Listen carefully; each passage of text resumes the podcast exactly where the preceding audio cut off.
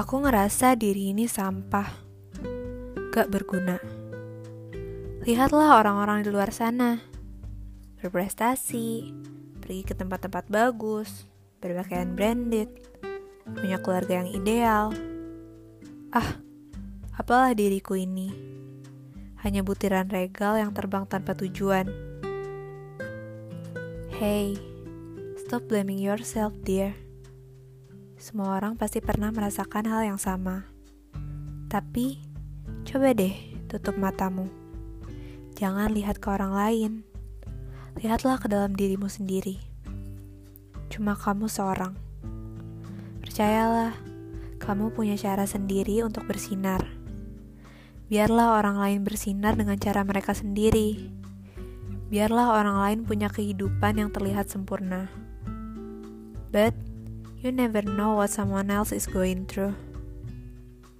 Kita semua diberikan gift oleh Allah berbeda-beda.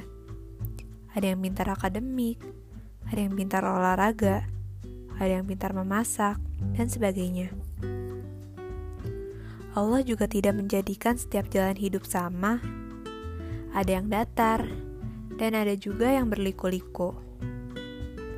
Yakinkanlah dirimu bahwa di setiap jalannya terdapat hikmah yang suatu saat akan kita temui.